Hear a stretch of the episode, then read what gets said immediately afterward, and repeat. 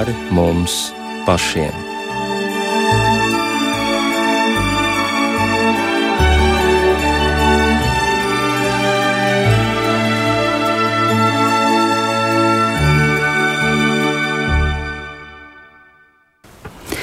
Esiet sveicināti raidījumā pāri mums pašiem, lai ir slavēts Jēzus Kristus.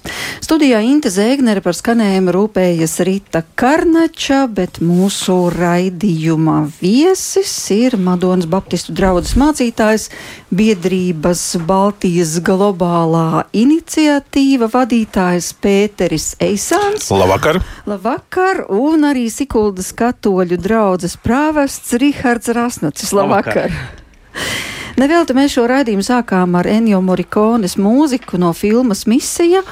Un tieši par misiju un tās nozīmi mūsdienās mēs arī runāsim turpmākajā stundā.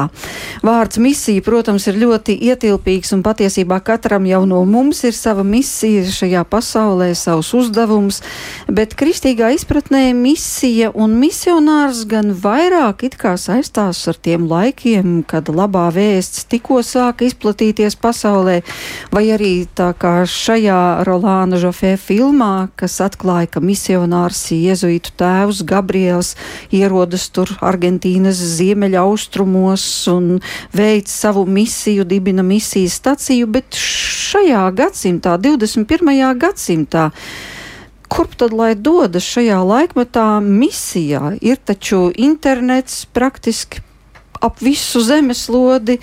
Visu var uzzināt, nepieceļoties no galda. Nu, kāda misija un misionāri? Tas joprojām ir aktuāli.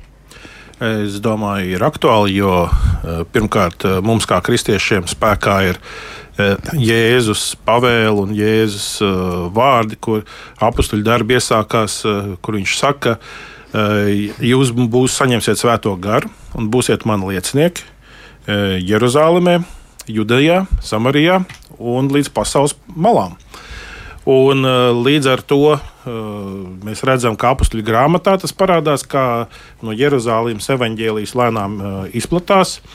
Un, un, protams, pēc augšām celšanās, kas notiek, ka Jēzus ienāk starp mācekļiem, kur viņi ir pārbijušies aiz slēgtām durvīm, Jāņa evanģēlijā ir šie zīmīgie vārdi, ka viņš pateica: Mieres jums! Un mācekļi bija priecīgi, kungu redzētām, un likās, nu, mēs visi varēsim šeit draudzīgi palikt, iesakņoties, un būs labi.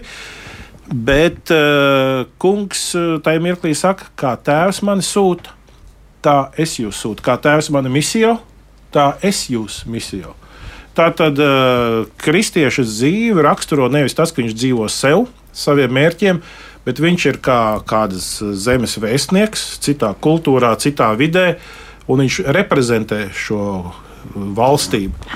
Un tādēļ, protams, mēs Latvijā jūtamies, jā, mums ir eh, ne tikai kaut kāda kristīgā radio, mums ir eh, svētdienās televīzijas eh, translācijas no baznīcām, mums pat ir ar tādu teiksim, garīgi ievirza radio raidījumu šovakar šeit valsts radio eterā. Mums liekas, visi dzirdējuši, viss ir izpildīts, viss ir sasniegts, bet ja mēs tā paskatāmies tīri to progresīvi. Piemēram, nu, es nevaru runāt par katoļu baznīcu, tur eh, Rihards, eh, lai pastāstītu vairāk, bet ir par tādu protestantu to virzību, kas ir bijis nu, uz 1800. gadu. Protestanti ārpus kristīgās rietumu pasaules bija aptuveni 1%. Uz 1900. gadu bija 5%. Uz 1950. gadu nu, bija 32% no, no protestantiem bija ārpusē. Nu, ja mēs paskatāmies tagad uh, uz 2005. un 2010. gadu, nu, nav jaunākie dati, man, tad ir 66 uh, līdz 70% no protestantiem, kas ir, ir ārpus kristīgās saucamās rietumu pasaules. Tātad mēs redzam, ka evaņģēlijs uh, ir aizgājis tautās un varētu teikt visai labi, bet Eh, tie, kas to tā pēta, nu, piemēram, ir eh, viena organizācija, kas saucās Joshua Project. Eh, pēc viņu atzinuma un uzskata ir tā, ka ja vienā kultūrā ir vairāk par 2% kristiešu, to varētu uzskatīt par aizsniegtu tautu. Ja mazāk par 2% no populācijas, tad nē. Un līdz ar to pēc viņa aprēķina sanāk aptuveni 40% tautu vēl nav aizsniegtas ar evaņģēliju. Un līdz ar to 60% varētu teikt, ka ir, 40% vēl nav. Un tādēļ mums Latvijā liekas, nu, ka viss ir izdarīts, viss ir pabeigts. Bet, ja skatāmies tādā pasaules griezumā, uh, vēl īsti nav. Mēs tā varam plašos pasaules laukos lūkoties, skatīties uz Indiju vai, es nezinu, uz jebkādu citu tur austrumu zemi un domāt, cik daudz mums tur darba. Bet, ja tu sāki runāt par procentiem, tad paskatīsimies tepat uz Eiropu. Un, starp citu, arī nav paši jaunākie dati, bet statistika parāda, ka Eiropā baznīcas apmeklējumi ir sarukuši vispār katastrofāli. Norvēģija, Dānija 5%, Zviedrija, Somija 4%, Vācija apmeklē 14%, Amerikas Savienotajās valstīs 44% pieaugušo iedzīvotāju, kas vismaz reizi nedēļā apmeklē baznīcu. Lielbritānijā 8%. Tad uz kurieni mums būtu jādodas nes kādās misijās, ja tepat apkārt Eiropā lūk ir šāda situācija?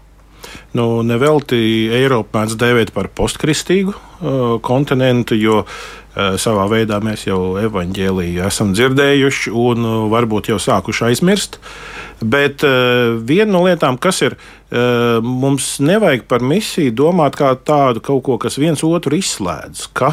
Uh, misija savā mājā izslēdz misiju Eiropā, un ka misija Eiropā izslēgtu misiju arī dzen, uh, Āzijā vai Āfrikā vai citur. Jo mēdz būt arī tas, nu, ka cilvēkiem ir tie specifiskie aicinājumi vienā vai citā ievirzē, ka kādēļ vienam būs vairāk aicinājums to misiju realizēt savā kultūrā, savos platumgrādos, ja tā var teikt. Un tāpat laikā varbūt citam būs šis aicinājums realizēt to misiju. Nu, citā kultūrā un citā vidē.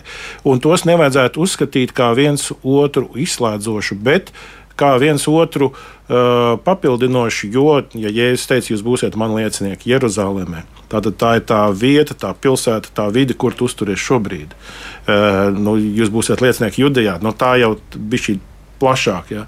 Nu, Samarija tie jau ir uh, tuvi cilvēki, bet tomēr ar tādiem kaimiņa, kuriem kašķi mēdz izraisīties, vai ne? Nu, un tālās pasaules malas, nu, tās ir tālās. Nu, nu, nu, katram mums tās tālās ir nedaudz atšķirīgas. Un, un tas nav realizējams vienam cilvēkam, šīs visas misijas, bet tas ir realizējams draudzēji. Uh, un to mums jāsaprot, ja mēs Latvijā redzam nu, sevi kā Latvijas draugu, tad tas nenozīmē, ka visiem no Latvijas ir jābūt tikai savā pilsētā misionāriem vai visiem kaut kur jāskrien. Uh, individuāli tas eh, atšķirsies, būs varbūt vairāk vienam akcents, otram cits, bet kā draudzēji mums jābūt šai pilnīgajai reprezentācijai. Tas līdzīgi kā ķermenī. Ja mēs es redzu, tātad es kā cilvēks kaut ko redzu, īstenībā redzu manā acīs. Bet mēs varam droši pateikt, ka es redzu tā arī šeit. Tas ir kāds viens vai daži misionāri, kas ir misijā, bet arī mēs līdz ar to piedalāmies, jo mēs veidojam šo Kristus uh, miesu. Un, tāpēc jau tā var pateikt, ka tas nenozīmē, ka katram ir jābrauc uz Āfriku un pavadīt kaut kādu laiku. Piesam, no kā mormoņiem viņiem ir noteikums, ne, cik tur gadu vai divus gadus viņam noteikti Divi, jābrauc jā. kaut kur nu, tādā. Nu, viņu evanģelizācijā. Tad tas mums nav kā pienākums katram, bet uh, fiziski būtu. Bet katram ir jālīdzdarbojas. Un šodien, ja mēs skatāmies uz šo pasaules uh, misiju, uh, Jo tas, ka mums rūp tie cilvēki, kas mums ir blakus, mūsu ģimenes locekļi, darba biedri, eh, kaimiņi, mūsu tautieši, tas ir ļoti dabiski. Bet iet pie tautām, tas nozīmē jā, paklausīt tiešām Jēzus aicinājumu. Viņš teica, ja jūs būsiet man liecinieki līdz pat zemes robežām. Šodien mēs arī baznīcā lasījām otro lasījumu, kur apelsīns Pāvils saka, ka jā, viņa uzdevums ir sludināt evaņģēliju visām tautām. Tātad neko neizslēgt no, no šīs mērķa auditorijas. Mēs varam teikt, gan geogrāfiski, gan arī no tās dažādas mērķa auditorijas. Vienalga, jauni, veci, nabagi, bagāti, veseli, slimi un tā tālāk. Nu, 23. oktobris Katoļu baznīcā ir pasaules misiju diena. Mm. Tā Īsmā, tas ir nevis sacīt. datums, bet uh, oktobra priekšpēdējā, priekšpēdējā svētdiena. svētdiena. Nu, ja, tad mēs esam īstā brīdī satikušies, tā, bet tad man ir jājautā, kāda, piemēram, ir Katoļu baznīcā galvenie misiju punkti, tīri geogrāfiski, vai pastāv tādi, Jā. uz kurieni pārsvarā tiek ceļots? Tad mēs varam teikt par misiju teritorijām, varam runāt. Un, ja tā nu, vispārināt, tad tā ir Āfrika, uh, Dienvidamerika, Āzija. Uh, un arī tas pat ne visas, uh, vēl tas jau okeānijā, tur vēl ir kādas uh, zemes, bet uh, tas um, tāds noteikums ir, ka tā ir salīdzinoši jauna zeme uh, kristietībai. Piemēram, ka tur tikai simts gadus pastāv kristīgā ticība. Un, protams, kā šeit Pēters minēja, tas ir, ka viņa nav tik daudzskaitlīga. Bet pat ja viņa ir arī nu, procentuāli daudzskaitlīga, viņa ir jauna un tāpēc viņai tik un tā ir vajadzīga palīdzība, lai viņa varētu iesakņoties. Mēs paši redzam, cik uh, nu, grūti ir kaut kam labam iesakņoties. Un, uh, tas prasa ļoti daudz laika. Nav tā, ka viens atnāca, pasludināja, un pat ja nokristīja, tas vēl nenozīmē, ka viss tā ir ļoti kristīgs. Un, eh, tāpēc jā, nu, sagaida šo atbalstu no, no pārējiem kristiešiem. Šodien sanāca kā tie parastā liturģiskā laika lasījumi, ja, kur apelsīns Pāvils sūdzās. Viņš saka, pirmo reizi man aizstāvoties, es biju atstāts viens, man neviens nenāca palīdzīgā. Izņemot Dievu. Ja. Un, uh, es par to tieši šodien arī runāju, ka uh, lūk, bieži vien misionāri tā jūtas, ka viņi ir atstāti vieni, ka viņiem ir jāizstāvās, jo viņi ir tomēr diezgan naidīgā vidē. Skaidrs, tu nevar teikt, ka visi tur ar aplausiem tevi sagaida. Un, uh, Un tad neatstāt viņus vienus. Un mēs šajā tiksim, vecajā pasaulē varam skatīties, kādos veidos neatstāt viņus vienus ar lūkšanu, ar interesi, ar informāciju un arī tas jātīra ar materiālu dalīšanos. Jā, un gribu te, Pēter, vajadzēt arī par misiju darbu, ar kuru tu esi saistīts, un ko nozīmē Baptistu baznīcā šis ārmisiju darbs. Tu ar to esi cieši saistīts, un arī šī pati Baltijas globālā misija, ko tas īsti nozīmē? Nu, jēdziens ārmisija ir kā tāds pretstatam iekšmisiju, un tas kaut kādā veidā paredz, ka viens ir eh, nu, savā vidē, savā kultūrā, un, un otrs vairāk, ka tas ir eh, citā vidē, citā kultūrā. Un, eh, ja tā paskatās, tad tāda ārmisija nebija iespējama Padomju Savienības režīma apstākļos, jo tad jebkādas draudzes aktivitātes vispār nu, netika pieļautas un pat ļoti apspiestas tīri pat savā vidē, savā vietā, kur nu vēl kaut kur iet uz ārā. Un tādēļ par to nebija iespējams domāt. Un tad, kad mēs atguvām brīvību, tad bija tā, ka nu, draudzēm bija atņemtie dievnam, ko bija jāatjauno. Tad bija eh, sākās pēc tam arī tāda evanģelizācija uz vietas, un eh, draugu skaits vairojās, un cilvēku skaits draudzēs vairojās. Uh, bija arī ārpus dievnamiem kaut kādas uh, vietas, kur varēja nest un komunicēt evaņģēliju bērniem, jauniešiem, pieaugušiem, sirmgalviem. Nu tā. Bet, tagad mēs redzam, nu, ka tas Kristus mandāts ir jau tomēr pa visu pasauli. Un kuri ir tie galvenie punkti? Tad man arī tāpat jāvaicā. E, nu, nu, tīri tā, nu, ja tā skatās nu, tā globāli, ko es redzu tādā baptistu tādā pasaules redzējumā, ja, tad e, tiek e, lietots tāds jēdziens kā 1040. Tātad lokus 1040 starp 10 un 40 paralēli Nu, tur, nu, ietilpst, ir, tur ietilpst Ziemeļāfrika, tur ietilpst, ja mēs ejam uz austrumiem, tur būs Arābijas pussala, tur būs Indija, Pakistāna, vejot vēl uz austrumiem, tad tur ir Papua, Jaungvinēja, Indonēzija. Ja, un, un, un tā ir arī vieta, kur lielākoties tā saucamās neaizsniegtās tautas uh, arī ir atrodamas, kur uh, nu, daudzās vietās ir, ka nu, nu, teiksim, tas kristiešu skaits ir eh, zem tā saucamā 2% atzīmes. Un, un, un lieta jau ir tā, ka piemēram Eģipte nav tā vieta un kultūra, kur ir zem 2%. Tur aptuveni 10% ir, tur ir koptu vai lielākā kristiešu grupa. Un viņi vēsturiski tur jau no, no, no, no, no Kristus laikiem gandrīz vai. Ja, un islāms pievienojās krietni vēlāk, bet nu jau islāms dominē. Bet, piemēram, tā, taisījām akcijas zvaigznes austrumos, kur mēs tajās kurpju kastītēs dāvaniņas bēgļu bērniem uz Jordāniju, sīriešiem un irākiešiem sūtījām. Vienu gadu bija Rīgā. Es neatceros, kurā no universitātēm bija tāds eh, Muhameds. Viņš bija no Eģiptes students. Un kamēr viņš bija tajā apmaiņas programmā, pusgadu Rīgā, viņš piedalījās Kristīgo studentu brālības rīkotajās Bībeles studijās, būdams musulmanis. Un viņš teica, es esmu Eģiptē, es eh, nekad neesmu nevienu kristieti saticis. Un tādā valstī, kur ir 10% kristiešu, Eh, nu, teorētiski viņam būtu iespējas satikties kaut kur, krustot eh, ceļus vai ne, un kaut kādā veidā, bet tas viņam nebija noticis. Un līdz ar to viņš izmantoja to iespēju, ka viņš bija Rīgā. Eh, piedalījās Bībeles studijās. Nu, pēc nostāstiem es nezinu, vai viņš, es domāju, ka viņš nekļuva par kristieti. Nu, neviens jau nav viņa dzīves ceļam tur izsakojis, kas tur tālāk. Bet vienkārši tas fakts kā tāds, arī no uh, zemes, kurā ir 10% kristiešu. Nu, viņam nekāda personīga saskarsme nebija bijusi. Tas parāda to, mm, to misijas nepieciešamību, tā klātbūtne kristiešu ir nu, ļoti svarīga. Un cilvēki domā, nu, tagad svarīgākais uh, obligāti, ja es būšu misionārs, man jāstāv uz ielas stūra. Nu, kā varbūt Rīgā mēdz cilvēki darīt, un tad skaļā balsī visiem kaut ko jāizkliedz.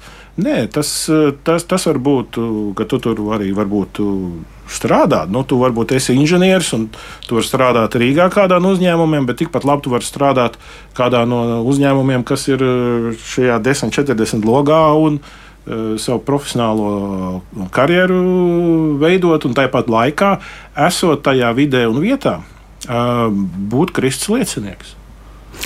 Jā, tā mēs arī turpināsim, bet šobrīd skanēs kāda dziesma arī saistīta ar misiju pasauli. Un e, tā ir saistīta ar vārdiem no Bībeles, no pirmās Samuela grāmatas, no trešās nodaļas, kur Dievs sauc Samuelu. Un sākumā viņš neatpazīst šo dieva balsi, bet viņš atbild: šeit es esmu. Un tālāk jau viņš seko dieva aicinājumam.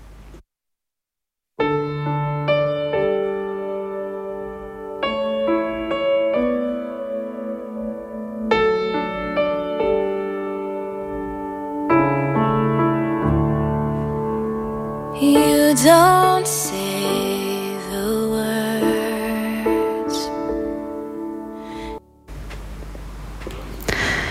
Lūk, tas bija no Samuela albuma Džo Rosa dziedāja šo dziesmu no Samuela albuma kad Dievs sauca Samuēlu, viņš atbildēja: Redzi, šeit es esmu. Tas nozīmē, ka bija gatavs doties tur, kur viņu sūta. Bet kāda ir jūsu pašu misiju pieredze?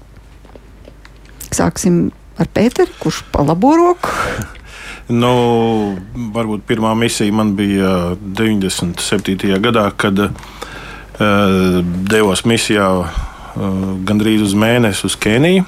Uh, Dienvidu puslodē sanāk, un tur tāds misijas hospitāls, uh, African Gospel Mission, viņu ir izveidojuši, un Tenvika Hospital.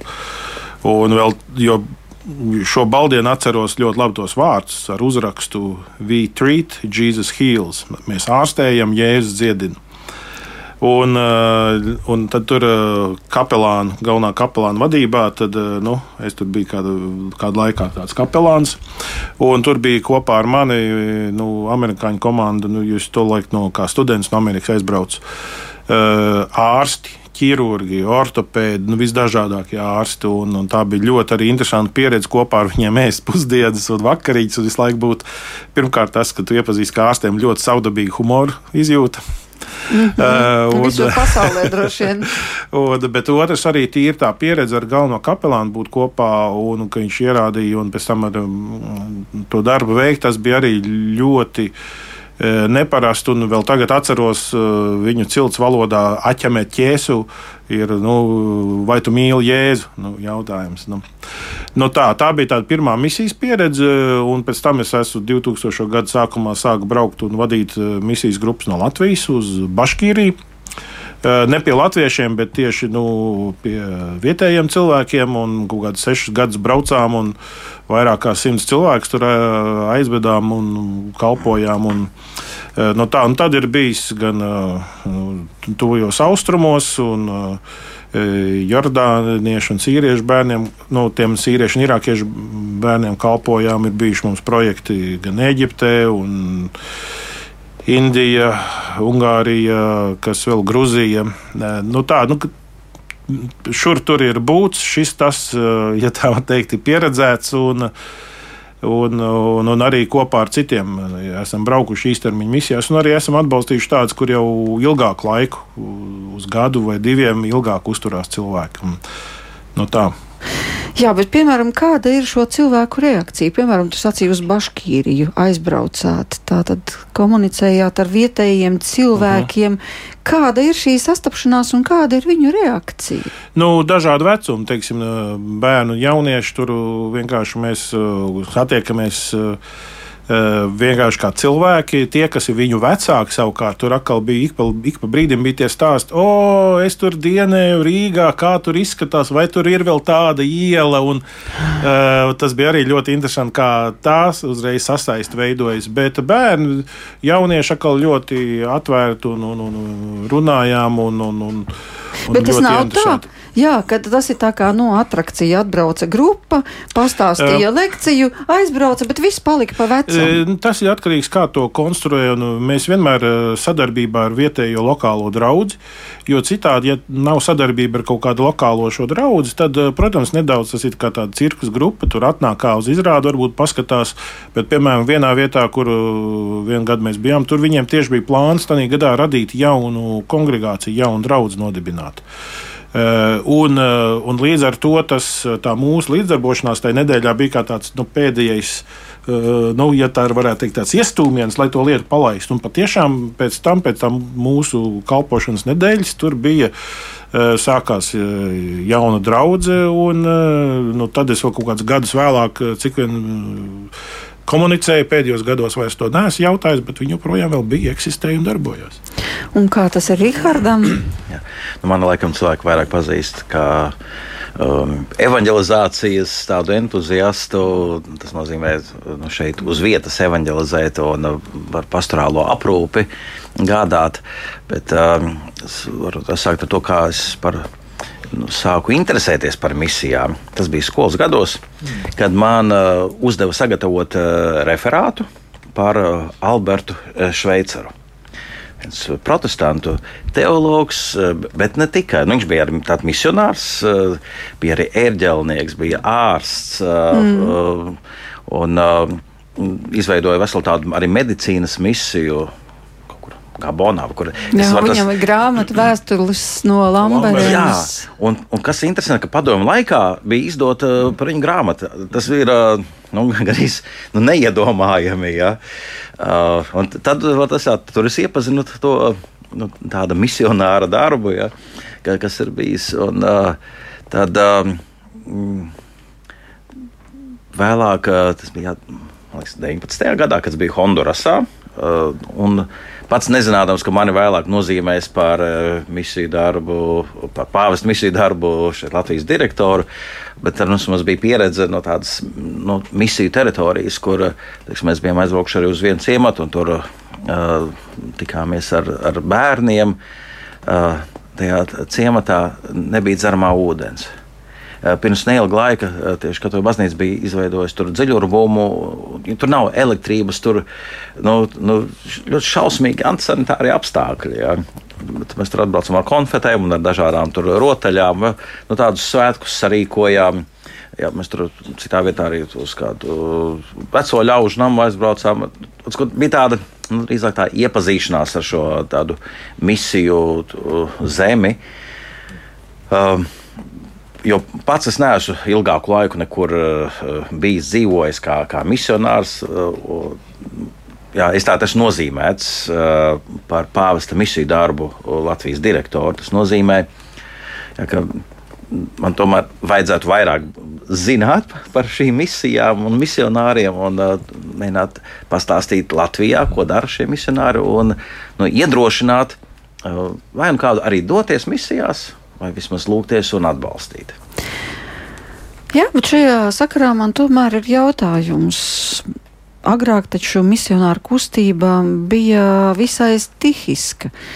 Apustuļiem nebija nekādu apmācību centru, tur spēc norganizētu atbalsta grupu, ja neskaita tos, par kuriem viņi raksta savās vēstulēs un pie kurām vēršas pie šīm pirmajām draudzēm, bet bija īpašs svētā gara svaidījums, pilnvarojums no dieva, sludināt, dziedināt, pravietot, un cilvēki pieredzēja reālu dieva darbību caur viņiem.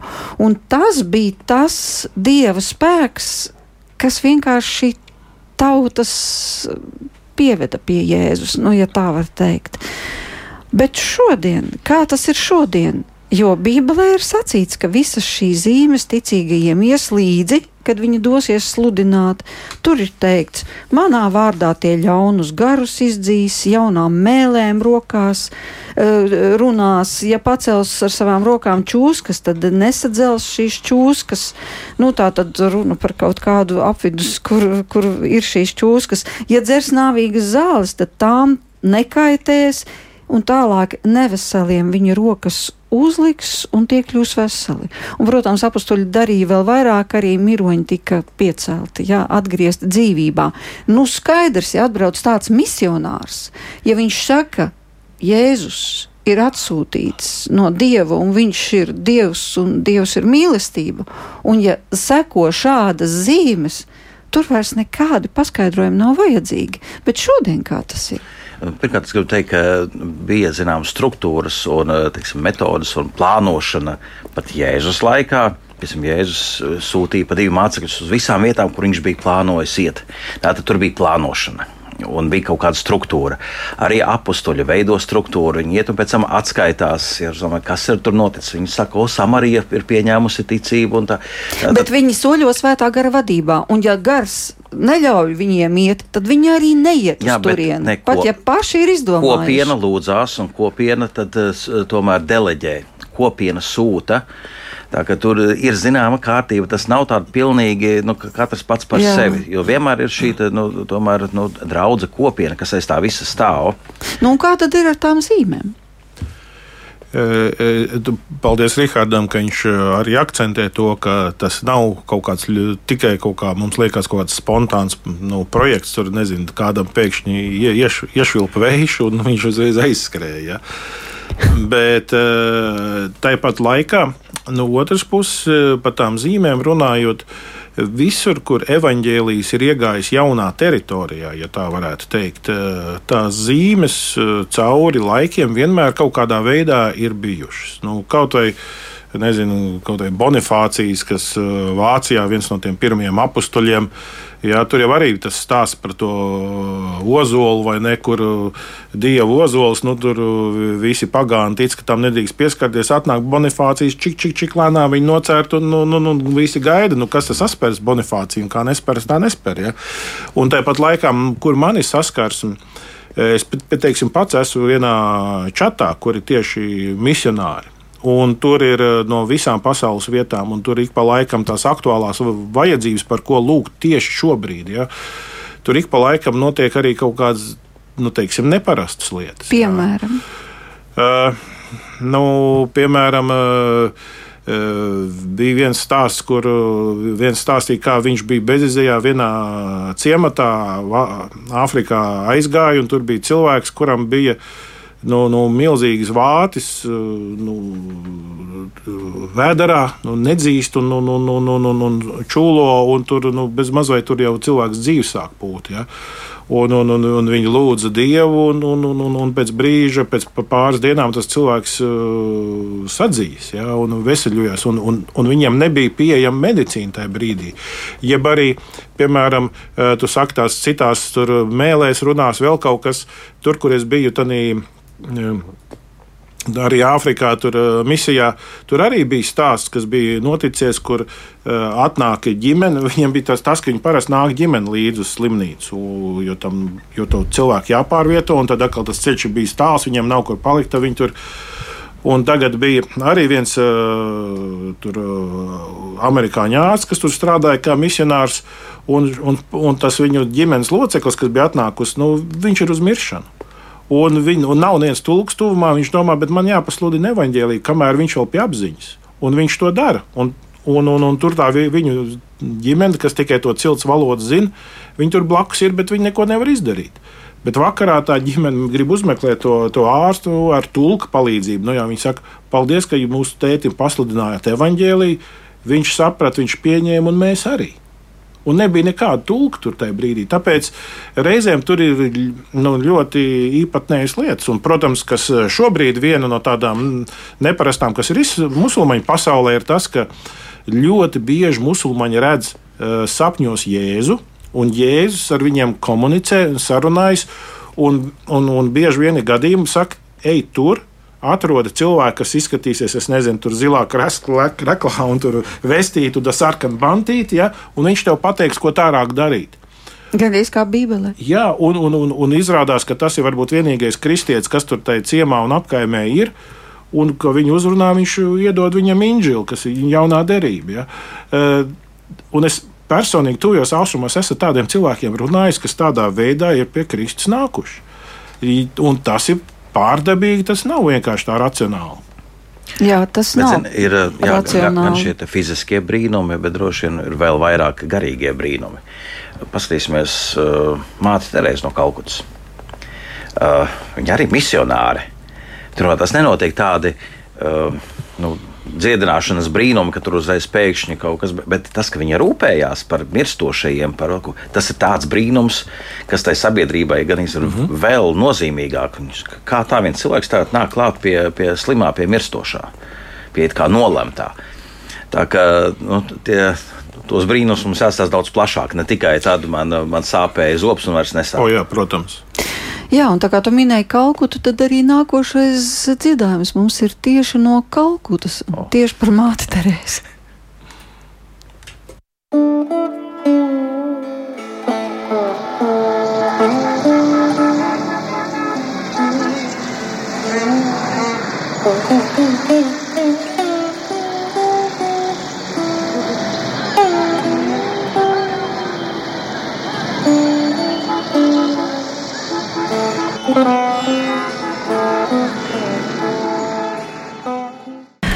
Misija un misionāri jebkurā gadsimtā ir un laikam arī būs saistīti ar vajāšanām un ar dzīvības risku, jo tā Jēzus ir sacījis, kā viņi vajāja mani, tā viņi vajās arī jūs.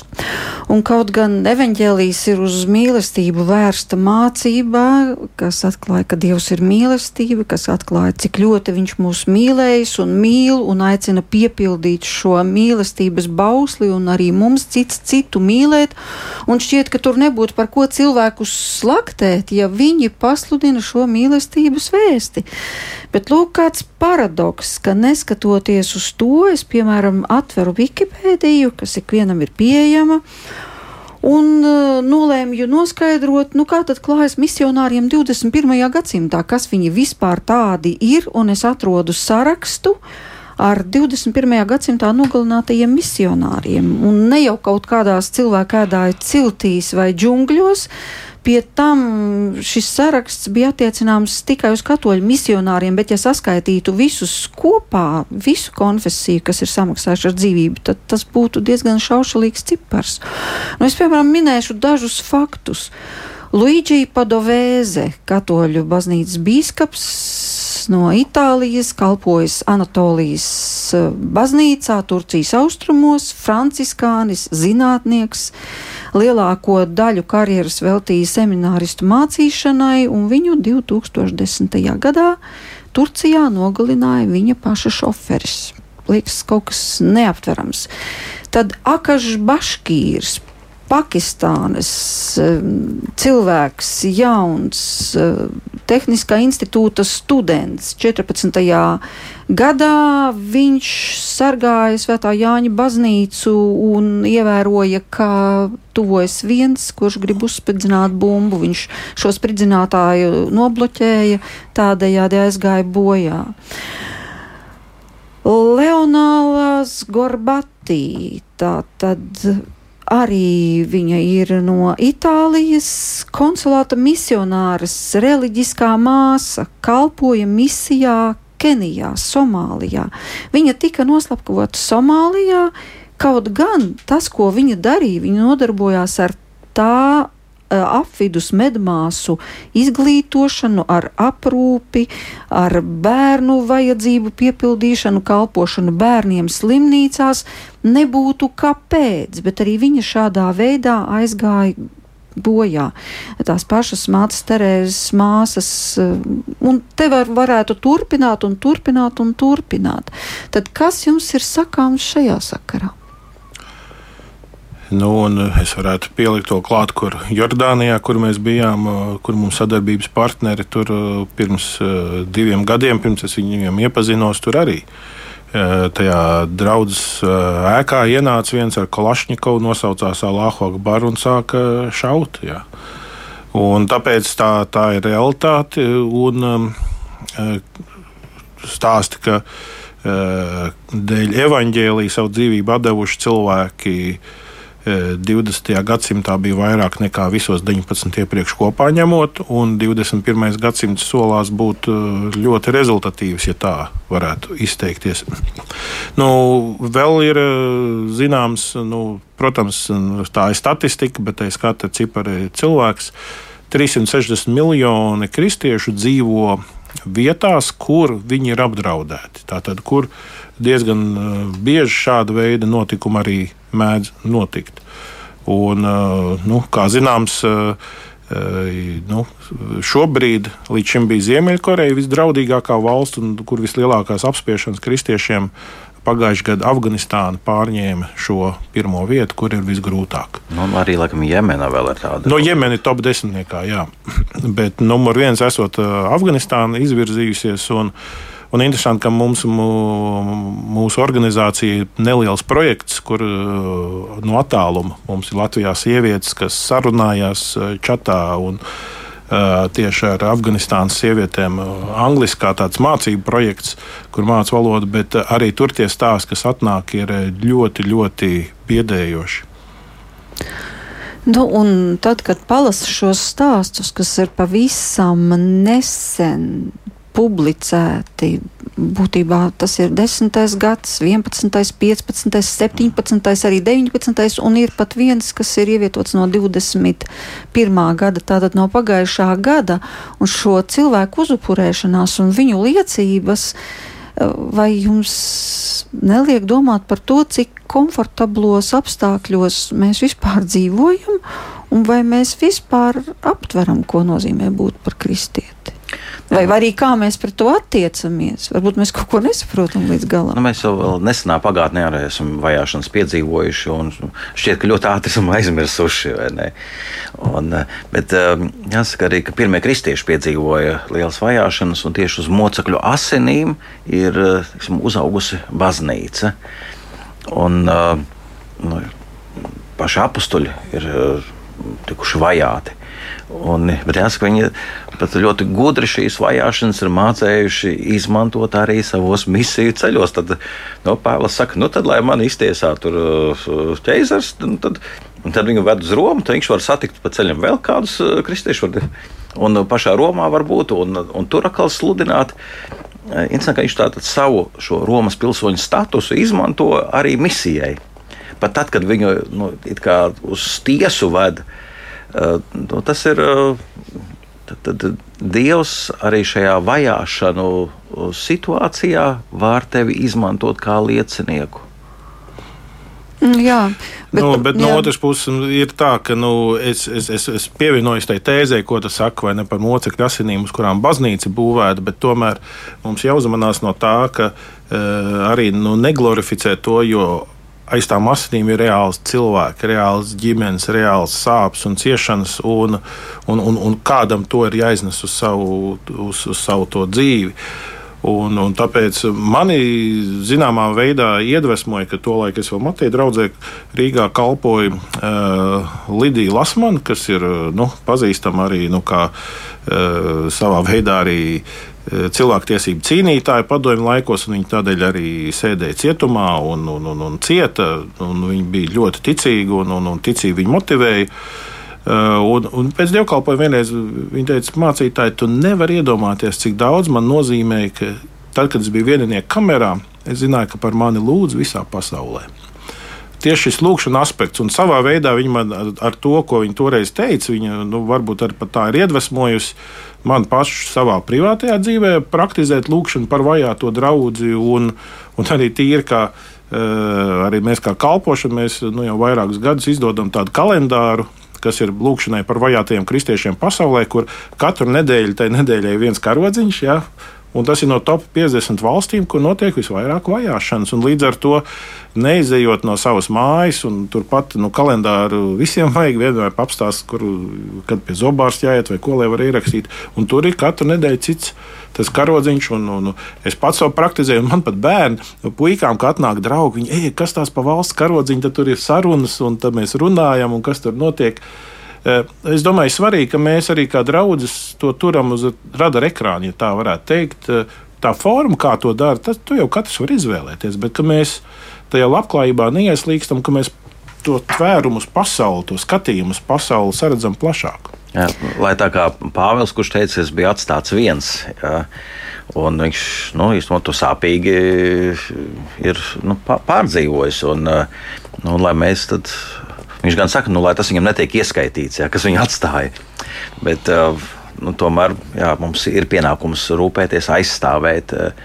Un šeit ir nu, Zinu, ļoti daudz arī dara nu, Vatikāna diplomātskais korpus, kas uh mhm. -huh. iesaistās šajās visās situācijās, kad ir kādi ķīlnieki kaut kur sagrābti un tam līdzīgi. Nu, eh, ir jā, visos līmeņos jādara. Nu, gan diplomātiskajā līmenī, gan eh, tiešajā, gan tur, tas cilvēks, kas blakus dzīvo. Nu, Un vēl viena no formām ir, ja, ja zina, kur tie ir ieslodzītie, ka viņiem mēdz rakstīt arī vēstules uz cietumu, kas arī ir laba tāda aizstāvības pozīcija, ka tie, kas to tieši cietuma pārvaldnieki, viņi zina, ah, šie cilvēki pa visā pasaulē par viņiem zina. Mēs nevaram vienkārši ar viņu kā kaut kādu gaļas gabalu izrīkoties. Nu, viņš ir aizmirsts, nevienam nevajadzīgs. Tieši tas, tu saki, lai kā Pāvils viņš jutās aizmirsts. Ir ļoti svarīgi, lai nav pamata kādam justies Eh, aizmirstam, un atkal tas prasa nu, no mums nu, kaut kādu varbūt bišķi piedomāšanu. Uh, uzmeklēt kaut kādu adresi, kaut ko tādu, lai, lai kaut ko tādu, piemēram, eh, izdarītu. Un, un es domāju, ir labi, ja varbūt to nevar katru svētdienu, bet nu, vismaz pāris reizes gadā kaut kur kāda draudzene samobilizējas, oh, mēs kaut ko izdarīsim. Jā, mēs varētu nodot arī sveicienus Lidijai Lasmanai, jo es zinu, ka Lidija eh, šos vakara raidījumu klausās un iespējams, ka klausās arī šovakar. Bet tas, ko tu teici par apustulu Pāvilu, šī absolūti skaidrā apziņa, kad viņš raksta šo vēstuli, un ka viņš raksta, ka viņš saprot, ka viņa ceļš drīz būs galā ka viņš drīz tiks atdots par upuri, ka viņš tiks ziedots, lai šī tālāk vēsts tiktu nesta un izplatīta. Tā ir diezgan pat tāda skaudra vēstule, ko viņš raksta, bet viņš apzinās to savu misiju līdz galam. Nu, acīm redzot, ka lasot apakstoļu darbus, lasot viņa vēstules, arī mēs kaut kur vairāk varam to savu ikdienas misiju apzināties. Um, Mēs šaubām, mēs smeļamies piemēru un smeļamies no nu, svēto atbalstu. Un, uh, nu, es pats uh, vakar tikai atgriezos no Romas. Jā, un, protams, tur ir uh, nu, tik daudz šo liecību par, par gan vajātajiem kristiešiem. Jā, nu, apsis, nu, Pētera uh, kaps, kas ir, uh, nu, ir vainagojās ar tādu baziliku. Visu, un, jā, nu, tas, tās liecības, nu, ko tu redzi arī vēsturiskās, pat ja tām jau 2000 gadu, bet tā stiprina mūs šodien. Jā, un liels paldies! Un tātad tas, ko mēs varam darīt, mēs varam lūgt, mēs varam atcerēties, mēs varam paskatīties pasaules kartē un papētīt, kas tad pasaulē notiek un kuram vajadzīga palīdzība. Bet paldies par šo raidījumu! Es saku mūsu viesiem, Madonas Baptistu draugas mācītājiem, biedrības Baltijas globālā iniciatīvu vadītājam Pēteram Meisānam un Siguldas katoļu draugas prāvestam Rihardam Rasmicim. Kopā ar jums bija Inta Zēgnere par skanējumu rūpējās Rita Karna. Karnača, un šobrīd kāda pazīstama melodija, kas arī aicina doties šajā darbā, lai palīdzētu citiem.